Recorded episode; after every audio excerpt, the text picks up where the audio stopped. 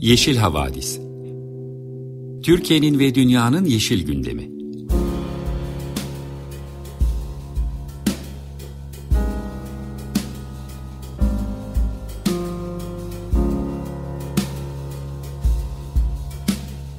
Hazırlayan ve sunanlar Selin Uğurtaş ve Savaş Çömlek.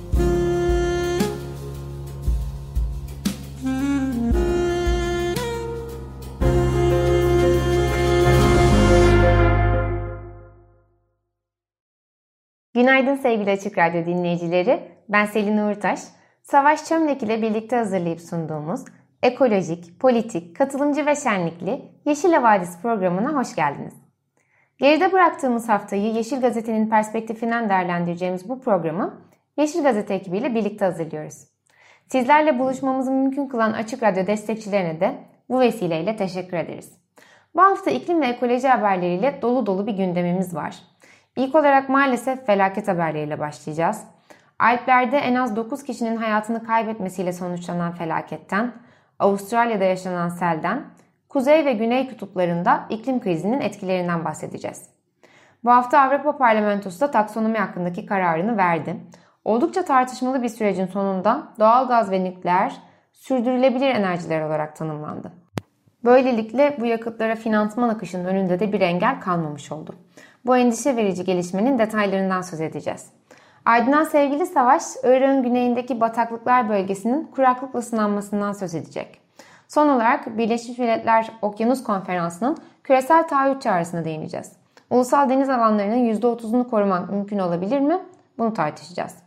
Bu haftaki konuğumuz ise Yeşil Düşünce Derneği ve Yeşiller Partisi'nden makine mühendisi Gizem Ballı. Gizem Ballı ile sevgili Savaş güzel bir söyleşi yaptı. Enerji kooperatiflerinden ve enerji demokrasisinden bahsettiler. Dileriz keyifle dinlersiniz. Ben bu girişi daha fazla uzatmayacağım. Her şeyden önce güne güzel bir parçayla başlayalım. Chet Baker ve Philip Catherine'den The Bird from Kapinga Marangi'yi dinliyoruz. Merhaba sevgili dinleyiciler. 95.0 Açık Radyo'da Yeşil Vadisi programına iklim haberleriyle devam ediyoruz. İlk olarak iklim krizinin etkileriyle ilgili birkaç haberimiz var. Ardından iklim kriziyle mücadele etmek için neler yapıyoruz, gerekli adımları atıyor muyuz gibi önemli sorulara yanıt vermeye çalışacağız. İlk sırada en az 9 kişinin can kaybıyla sonuçlanan bir felaket haberi var. Hafta başında İtalya'nın kuzeydoğusundaki Alp dağlarında bir buz kütlesi çöktü. 3300 metrelik Marmolada Dağı'ndan bir apartman boyutundaki parçanın koptuğu basına yansıdı ve bu felaket sonucunda en az 9 kişi hayatını kaybetti. Çökmenin olduğu bölgede hiking yapan 5 kişiden ise hala haber alınamıyor. Dağdaki şartların da stabil ve güvenli olmayışı nedeniyle arama kurtarma çalışmalarının zor yürütüldüğü basına yansıyor. İklim kriziyle birlikte buzullardaki erimenin şiddetlendiğini biliyoruz. Bu yaşanan felaketin de nedeni tam olarak henüz bilinmese de İtalya Haziran sonundan bu yana ciddi bir sıcak hava dalgasıyla boğuşuyor. Ve bu dalga yaşanan felaketin en büyük e, şüphelilerinden biri olarak görülüyor. Olayın yaşanmasından bir gün önce 2 Temmuz Cumartesi günü Marmolada'da sıcaklık rekoru kırılmıştı. Bölgedeki sıcaklık 10 derece olarak kaydedilmişti. İtalya'da devlete bağlı bir araştırma merkezindeki uzmanlar buzulun önümüzdeki 25-30 sene içerisinde yok olacağını ve hacminin büyük bir kısmını hali hazırda yitirdiğini vurguladılar. İtalya'da bu yaz sıcaklık ve kuraklık gerçekten tahammül edilemez seviyelere ulaştı. Son 70 yılın en büyük kuraklığı olduğu söyleniyor. Hatta hükümet kuraklıktan en çok etkilenen 5 bölgede olağanüstü hal ilan etti ve krizi atlatmak için 37 milyon euroya yakın bir kaynak ayırdı. İtalyan Ziraatçılar Derneği bölgedeki 270 bin çiftliğin zor durumda olduğunu duyurdu. Yeşil Efadis'te geçtiğimiz haftalarda Po Nehri'nin endişe verici durumundan söz etmiştik. Ülkenin en uzun nehrinde su seviyesi normalden %80 daha az şu anda. Ve Po Nehri Vadisi yaklaşık 4 aydır yağmur suyu görmedi. Bu bölgenin İtalya'nın gıda üretiminin yaklaşık %40'ını karşıladığı düşünüldüğünde sorunun boyutları daha net olarak ortaya çıkıyor. İtalya'da durum böyleyken Avustralya'da ise bu yılın ikinci sel felaketi yaşandı. Bazı bölgelerde yalnızca 3 gün içerisinde bir yılda yağan yağmurdan daha fazlasının yağdığı rapor edildi. Ülkenin yıllık yağış ortalaması 500 mm iken 2 ila 5 Temmuz arasındaki 3 gün içerisinde 800 mm yağmur yağdı. Sydney'de işte bu yağışlar nedeniyle 50 bin kişi için tahliye çağrısı yapıldı. Sene başından bu yana gerçekleşen seller nedeniyle Avustralya'da 20'nin üzerinde kişi hayatını kaybetti. Tabii iklim krizi şehirleri vuruyor ama aslında kutuplara etkisinin daha da fazla olduğunu biliyoruz. Buna ilişkin de iki kısa haber paylaşacağım. İlki Kuzey Kutup Dairesi'nde artan orman yangınları ile ilgili. Kopernikus Atmosfer İzleme Servisi 2019'dan bu yana yaşanan yangınların 2003'ten itibaren gözlemlenen diğer yıllara kıyasla giderek arttığını duyurdu. Buna göre orman yangınları olağan dışı derecede yoğun ve bu yeni durum kısmen de olsa ortalamanın üzerindeki sıcaklıklar ve kurulukla ilgili. Kuzey kutbundaki yüzey hava sıcaklıkları küresel ortalamadan çok daha hızlı artıyor ve bu yanıcılığı artırarak potansiyel olarak daha fazla yangına neden oluyor olabilir dendi. Güney kutbunda ise başka bir dert var. Birçok balıkta daha önce görülmeyen cilt tümörlerine rastlanmaya başlandı. Tümörden etkilenen balıkların nototenioidler olarak tanımlanan soğuk sulara uyumlanmış bir tür olduğu belirtilmiş. Bu balıklarda kanlarının donmasını önleyen özel bir protein bulunuyormuş. Bilim insanları salgının esas nedenini belirlemenin oldukça zor olduğunu vurguluyorlar. Ancak suların ısınması öne çıkan bir etmen. Isınma nedeniyle suların daha sıcak ve tuzlu hale geldiğini, bunun parazitlerin yaşam döngüsünü etkileyebileceğini ve dolayısıyla hastalıkların da yayılma ve bulaşma kapasitesini artırmış olabileceğini söylüyorlar. Tabi dünyada bunlar olup biterken siyaset kulislerinde neden, neler oluyor diye dönüp bakmak da çok önemli. Çünkü oldukça büyük ölçekli, sistematik ve acil bir sorundan bahsediyoruz. Eğer siyasetçiler kararlılıkla adım atmazlarsa içinden çıkmamız gerçekten mümkün değil. Maalesef bu gözle baktığımızda olumsuz bir haber vermek durumundayım. Avrupa Birliği taksonomisinden önceki program, programlarda etraflıca söz etmiştik. Kısaca anımsatmak gerekirse taksonomi yeşil, sürdürülebilir yatırımları, yatırımları belirlemek ve desteklemek için tasarlanmıştı. Buna göre gerçekten yeşil olan projeler desteklenecekti ve yeşil yıkama dediğimiz sürdürülebilir taklidi yapan girişimler taksonomi sayesinde eğlenecekti. Ama yeni yıla girerken beklenmedik bir şey oldu ve Avrupa Komisyonu taksonomiye dair teklifinde nükleer ve doğal gazı da yeşil sürdürülebilir yatırımlar sınıfına dahil etme önerisinde bulundu.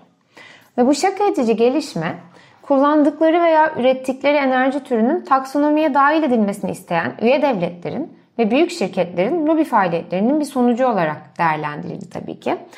E, bu konu epey endişe yarattı. Ciddi protesto e, beyanlarına tanıklık ettik.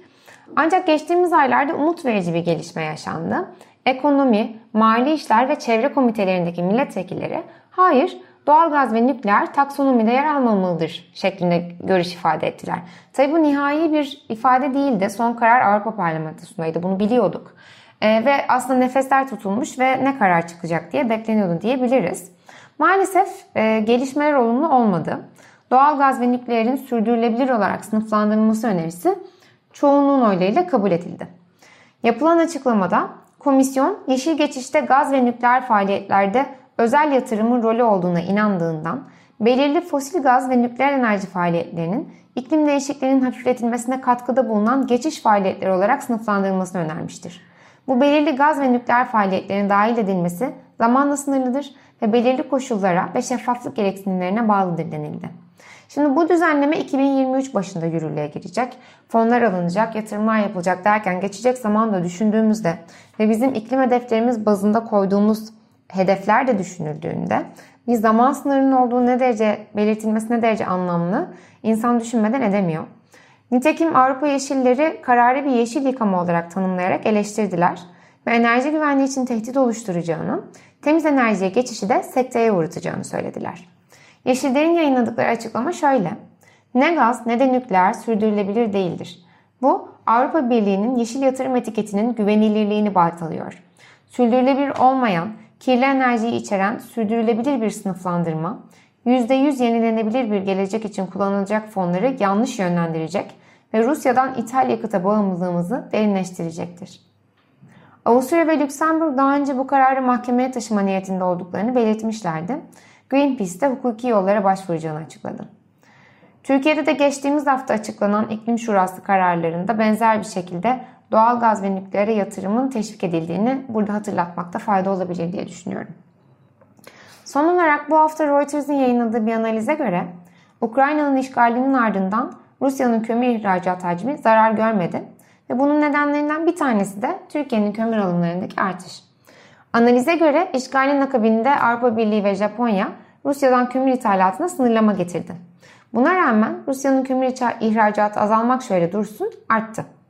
Almanya, İtalya, Hollanda gibi en çok kömür ithal eden Avrupa ülkeleri ithalatlarını yarı yarıya azalttılar. Benzer şekilde Japonya'da Ocak ve Şubat aylarına göre kömür alımlarını yarı yarıya azalttı. Öte yandan şu anda dünyanın en büyük iki kömür ithalatçısı olan Çin ve Hindistan Rusya'ya herhangi bir yaptırım uygulamıyor. Hatta Moskova'nın fiyat indiriminden faydalanabilmek için ithalatı daha da artırdılar. Benzer şekilde Türkiye'de Haziran ayında Rusya'dan 1.8 milyon ton kömür ithal etti. Bu rakam 2017'den bu yana ulaşılan en yüksek seviye oldu. Türkiye'nin ithalat verileri işgalin yaşandığı Şubat ayından bu yana sürekli artıyor. Evet böylelikle bültenimizin sonuna geliyoruz. Son olarak güzel bir haberle bitirmek istiyorum. Zamanımız az kaldı ama bundan kısaca olsun bahsetmeden bitirmek istemedim. Hindistan'da hükümet tek kullanımlık plastiklere yasak getirdi. Oldukça kapsamlı bir yasaktan bahsediliyor.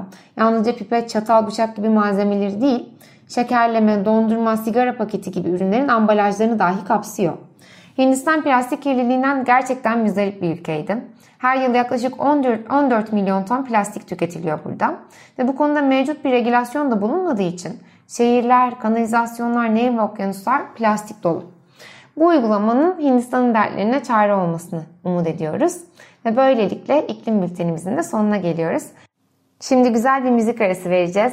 Charlie Parker'dan Summertime'ı dinliyoruz. Sevgili dinleyiciler, Yeşil Havadis programının ekoloji bülteninde ilk haberimiz Birleşmiş Milletler Okyanus Konferansı'ndan daha fazla küresel taahhüt çağrısı ulusal deniz alanlarının %30'u korunacak başlığıyla yapılmış. Birleşmiş Milletler Okyanus Konferansı Portekiz'in başkenti Lizbon'da bir hafta süren tartışma ve etkinliklerin ardından hükümetler ve devlet başkanlarının Okyanuslarımızı Kurtarın adlı yeni bir siyasi deklarasyon üzerinde anlaşmasıyla sona ermiş. Konferansın sonuç bildirgesinde geçmiş toplu başarısızlıklarını kabul etmiş dünya liderleri, dünya sularının içinde bulunduğu korkunç durumun ele alması sağlamak için daha fazla hırslı davranma çağrısında bulunmuşlar. Kapanış toplantısında Portekiz ve Kenya'nın ev sahibi olan Portekiz ve Kenya'nın tutumu Birleşmiş Milletler temsilcileri tarafından övülmüş. Konferansa 24 devlet ve hükümet başkanı dahil olmak üzere 6000'den fazla katılımcı, 2000'den fazla da sivil toplum temsilcisi katılmış. Okyanusların karşılaştığı zorlukların neler olduğunu söylemek gerekirse hepimizin yakından takip ettiği ana konular kıyı erozyonu, yükselen deniz seviyeleri, daha sıcak ve daha asidik sular, deniz kirliliği, balık stoklarının aşırı kullanımı ve deniz biyoçeşitliliğinin azalması. Lizbon'da bir araya gelen üst düzey politikacılar iklim değişikliğinin zamanımızın en büyük zorluklarından biri olduğunu tekrar etmişler. Okyanusların ve ekosistemlerin sağlığını, üretkenliğini, sürdürülebilir kullanımını ve dayanıklılığını iyileştirmek için kararlı ve acilen hareket etmek gereğinin altını çizmişler. Bilime dayalı yenilikçi eylemlerin, uluslararası işbirliklerinin önemine dikkat çekmişler. Dönüştürücü değişim çağrısında bulunan liderler, ısınan bir gezegenin ekosistem bozulması ve türlerin yok olması da dahil olmak üzere okyanus üzerindeki kümülatif etkilerini ele almanın önemine de ayrıca vurgu yapmışlar. Toplantıda gönüllü olarak taahhütler verilmiş. Bu taahhütlerin belli başlarını sıralamak gerekirse gezegenimizi koruma mücadelesi 2030 yılına kadar deniz koruma alanlarının oluşturulmasını, genişletilmesini ve yönetimini desteklemek için en az 1 milyar ABD doları yatırım yapılması planlanmış. Avrupa Yatırım Bankası iklim direncini, su yönetimini ve katı atık yönetimini iyileştirmek için Temiz Okyanuslar girişiminin bir parçası olarak Karayipler bölgesine 150 milyon euro ek kaynak sağlamayı hedeflemiş. Portekiz egemenliği veya yargı yetkisi altındaki deniz alanlarının %100'ünün iyi çevre durumunda olarak değerlendirilmesini ve 2030 yılına kadar ulusal deniz alanlarının %30'unun sınıflandırılmasını taahhüt etmiş. Kenya ise şu anda kapsayıcı ve çok paydaşlı bir ulusal mavi ekonomi stratejik planı geliştirmeyi beyan etmiş, taahhüt etmiş. Kenya ayrıca deniz kaynaklı plastik, deniz çöpleri konusunda ulusal bir eylem planı geliştirme sözünü de vermiş. Hindistan ise bir kıyı temiz kampanyası taahhüt etmiş. Tek kullanımlı plastiklerin yasaklanması için çalışma taahhütünde bulunmuş. Yeşil Gazete'nin haberine göre Lizbon'da düzenlenen Birleşmiş Milletler Okyanus Konferansı'nın ardından okyanus suları kurtarma çalışmaları ulusal yargı yetkisinin ötesindeki alanlarda biyoçeşitlilikle ilgili hükümetler arası konferans 2020 sonrası küresel biyoçeşitliliğin çevre çerçevesi müzakereleri ve Mısır'da yapılacak COP27'de artan iklim finansmanı ve uyum eylemleri için müzakereler yoluyla devam edecekmiş. Ayrıca toplantıda gençlerin, kadınların ve yerli halkların güçlendirilmesi ve desteklenmesinin okyanusların korunması hakkındaki önemine de vurgu yapılıp ortak karar alınmış. Ekoloji Bülteni'nin ikinci haberi yakın bir coğrafyayla Irak'ın güneyindeki bataklıklar bölgesiyle ilgili. Bataklıklar bölgesinde kuraklığa karşı karanlık bir yaşam mücadelesi veriliyor başlığıyla yapılmış. Yeşil Gazete'nin haberine göre Irak'ın güneyinde Zikar, Nasiriye vilayetine bağlı Fırat Nehri'nden beslenen geniş bataklık alanlarda yağışların olmaması ve artan sıcaklıklar nedeniyle kuraklık yaşanıyor.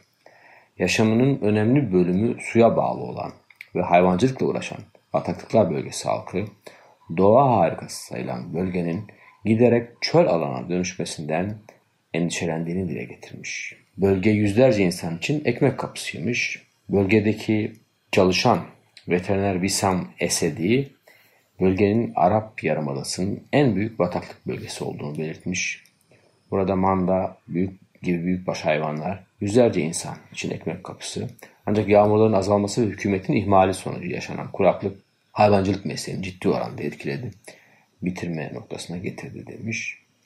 Bölgenin kaderi sadece kuraklık nedeniyle değişmemiş.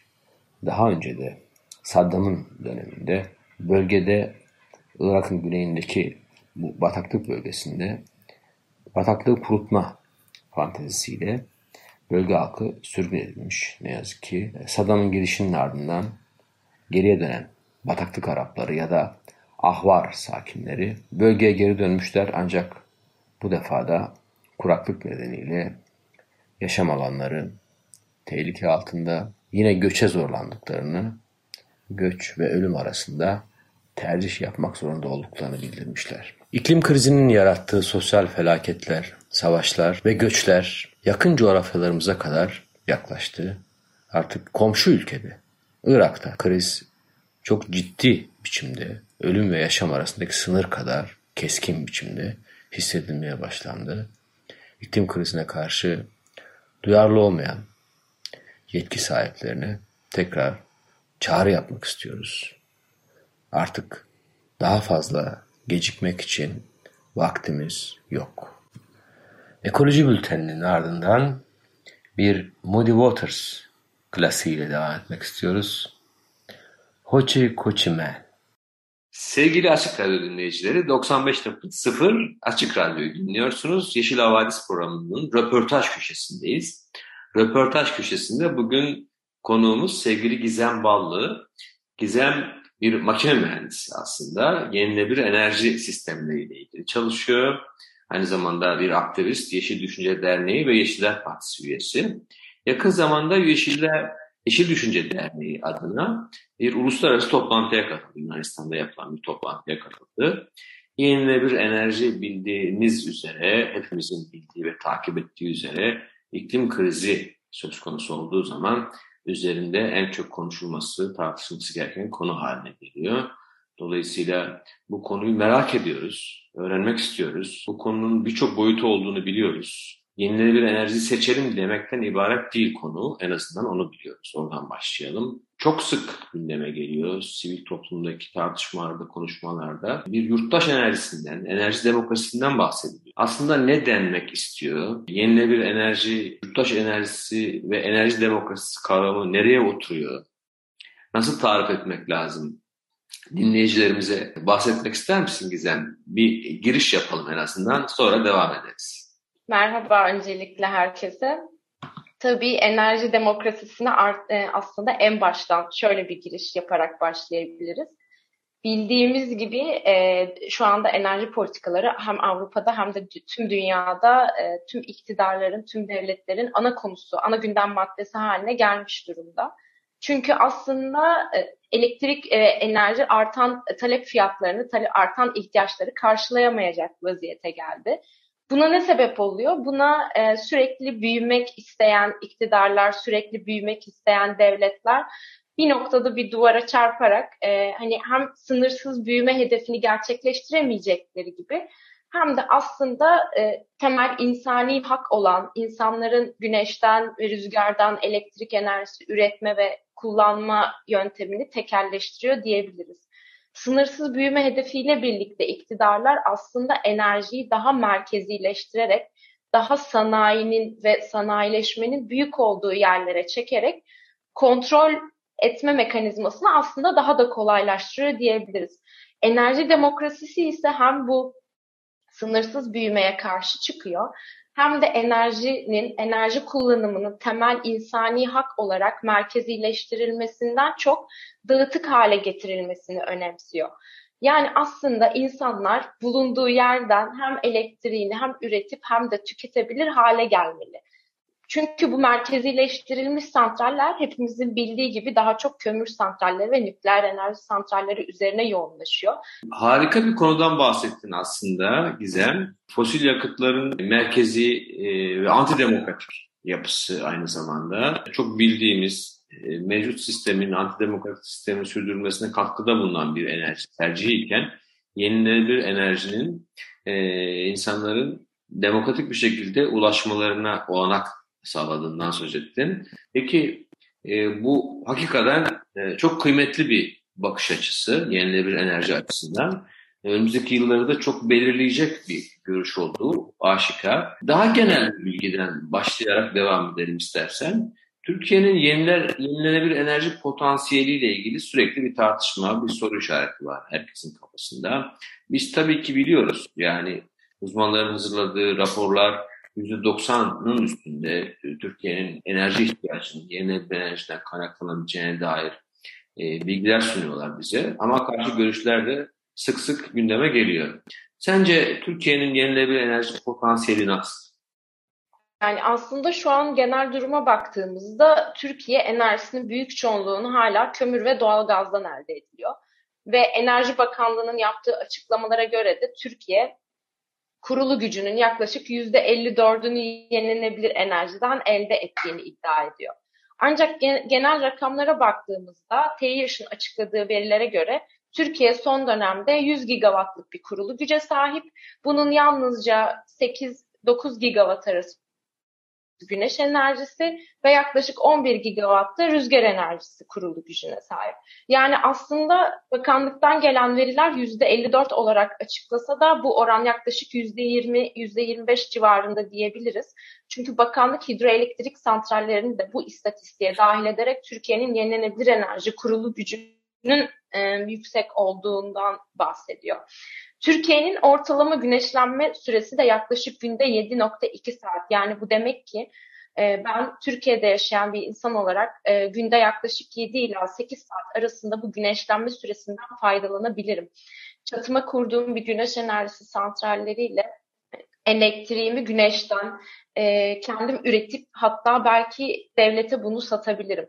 Bu yüzden Türkiye'deki e, yenilenebilir enerji potansiyeli çok fazla olmasıyla birlikte bunun için yapılan e, regülasyon ve mevzuat çalışmaları da birazcık sekteye uğramış durumda diyebilirim. Peki enerji kooperatifleri diye bir gündemimiz vardı geçen yıllarda. Hala gündemimizde gerçi enerji kooperatifleri konusu.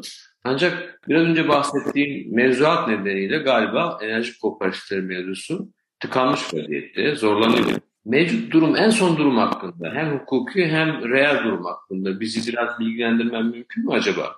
Çünkü e, Yeşil Düşünce Derneği'nin de yenilenebilir enerji ko kooperatifleriyle ilgili çalışmaları ve projeleri vardı hatırladığım kadarıyla.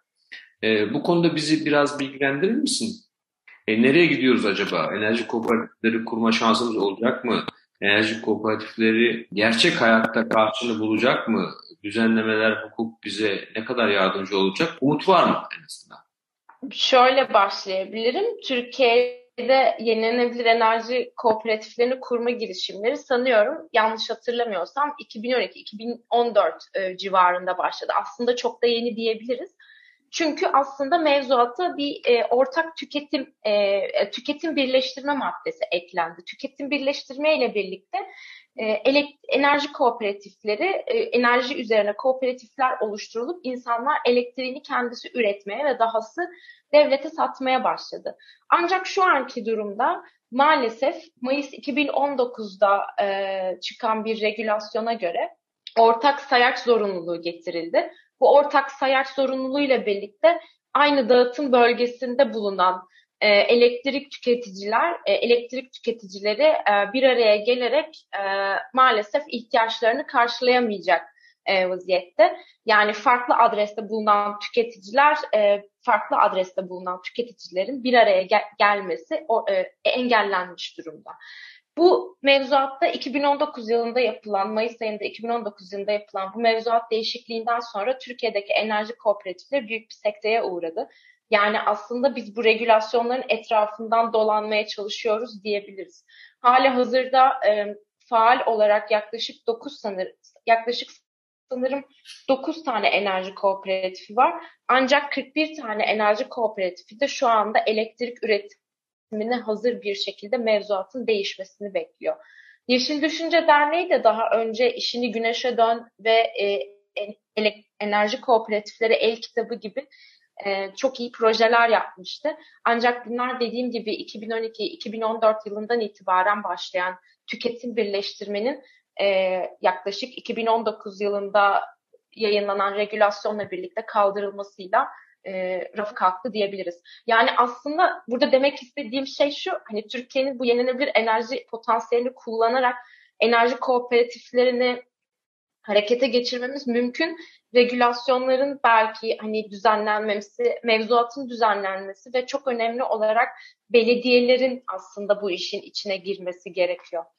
Şu anda hani e, bizim yapacak e, çözümümüz ne olabilir belki diye sorarsanız yenilenebilir enerji kooperatifleri üzerine e, çok ciddi e, belki bir mevzuat çalışması yapılması ve bu konuda da e, bakanlığa e, baskı yapmak gerekiyor diyebilirim.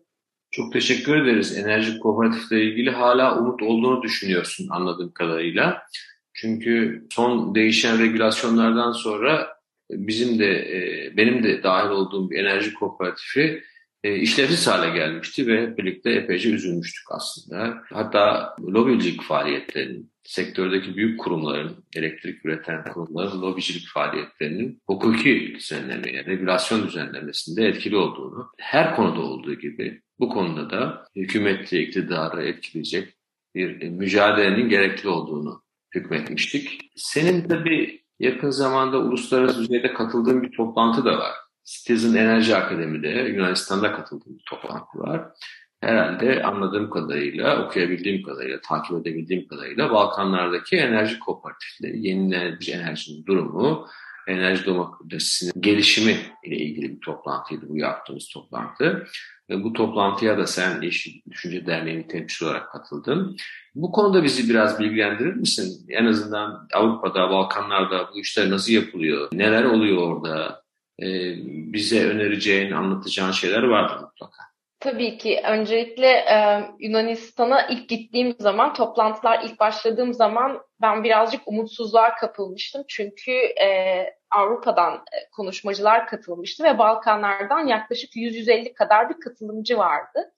Onlar yenilenebilir enerji kooperatifinin kurulum aşaması, finansman aşaması ve daha pek çok diğer aşamalarında e, genelde Avrupa Birliği'nin çizdiği bir e, regülasyon çerçevesine uygun olarak hareket ediyorlardı.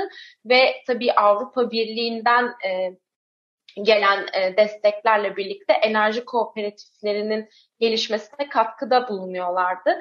Benim orada ilk umutsuzluğumun sebebi aslında hani Türkiye'deki bu kadar e, enerji kooperatiflerin bu kadar potansiyelin olup hani biz nasıl bunu gerçekleştirebileceğimizi ancak hani Balkan ülkelerinden gelen örneklerle birlikte hani onların işi de çok kolay olmamış.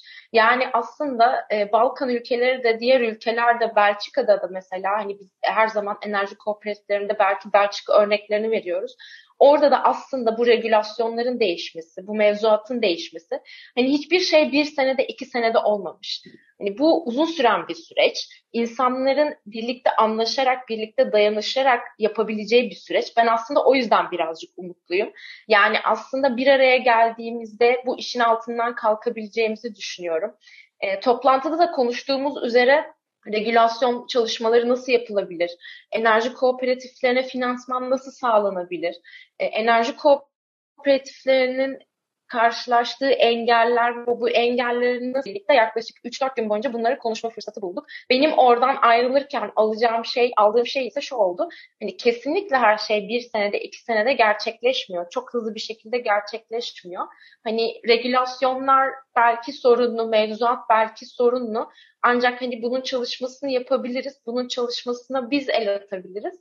Ee, bu umutlarla ayrıldım açıkçası. Çünkü hani dediğim gibi e, önemli olan topluluk enerjisi ve eğer önemli olan bir kamusal e, kamunun yararını gözetmekse e, bu konuda da hani e, kötü örneklere ihtiyacımız yok.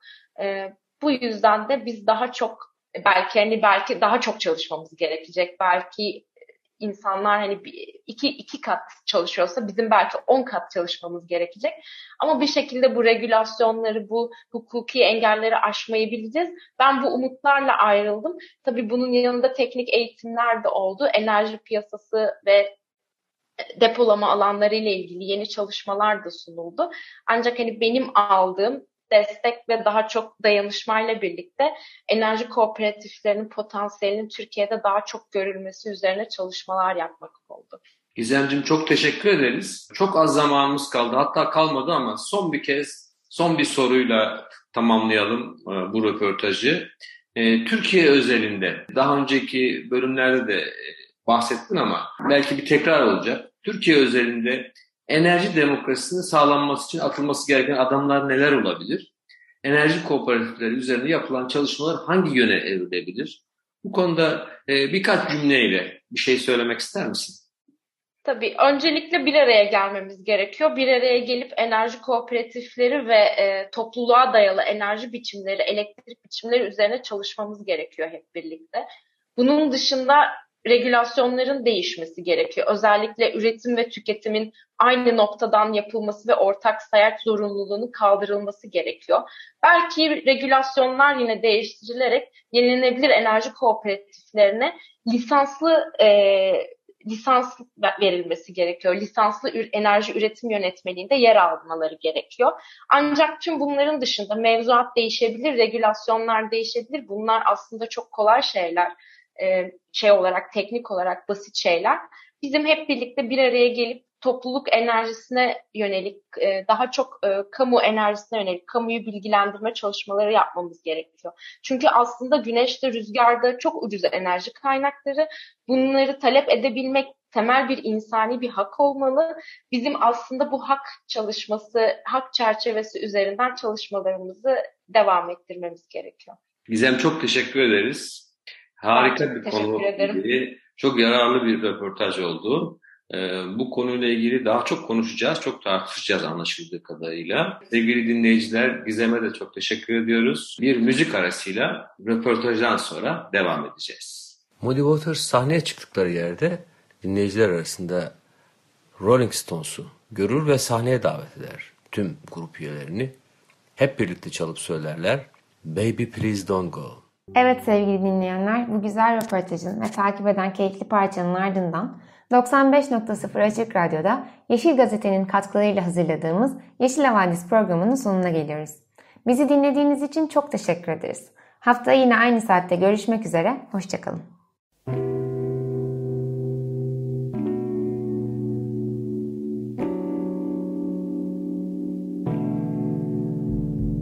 Yeşil Havadis Türkiye'nin ve dünyanın yeşil gündemi.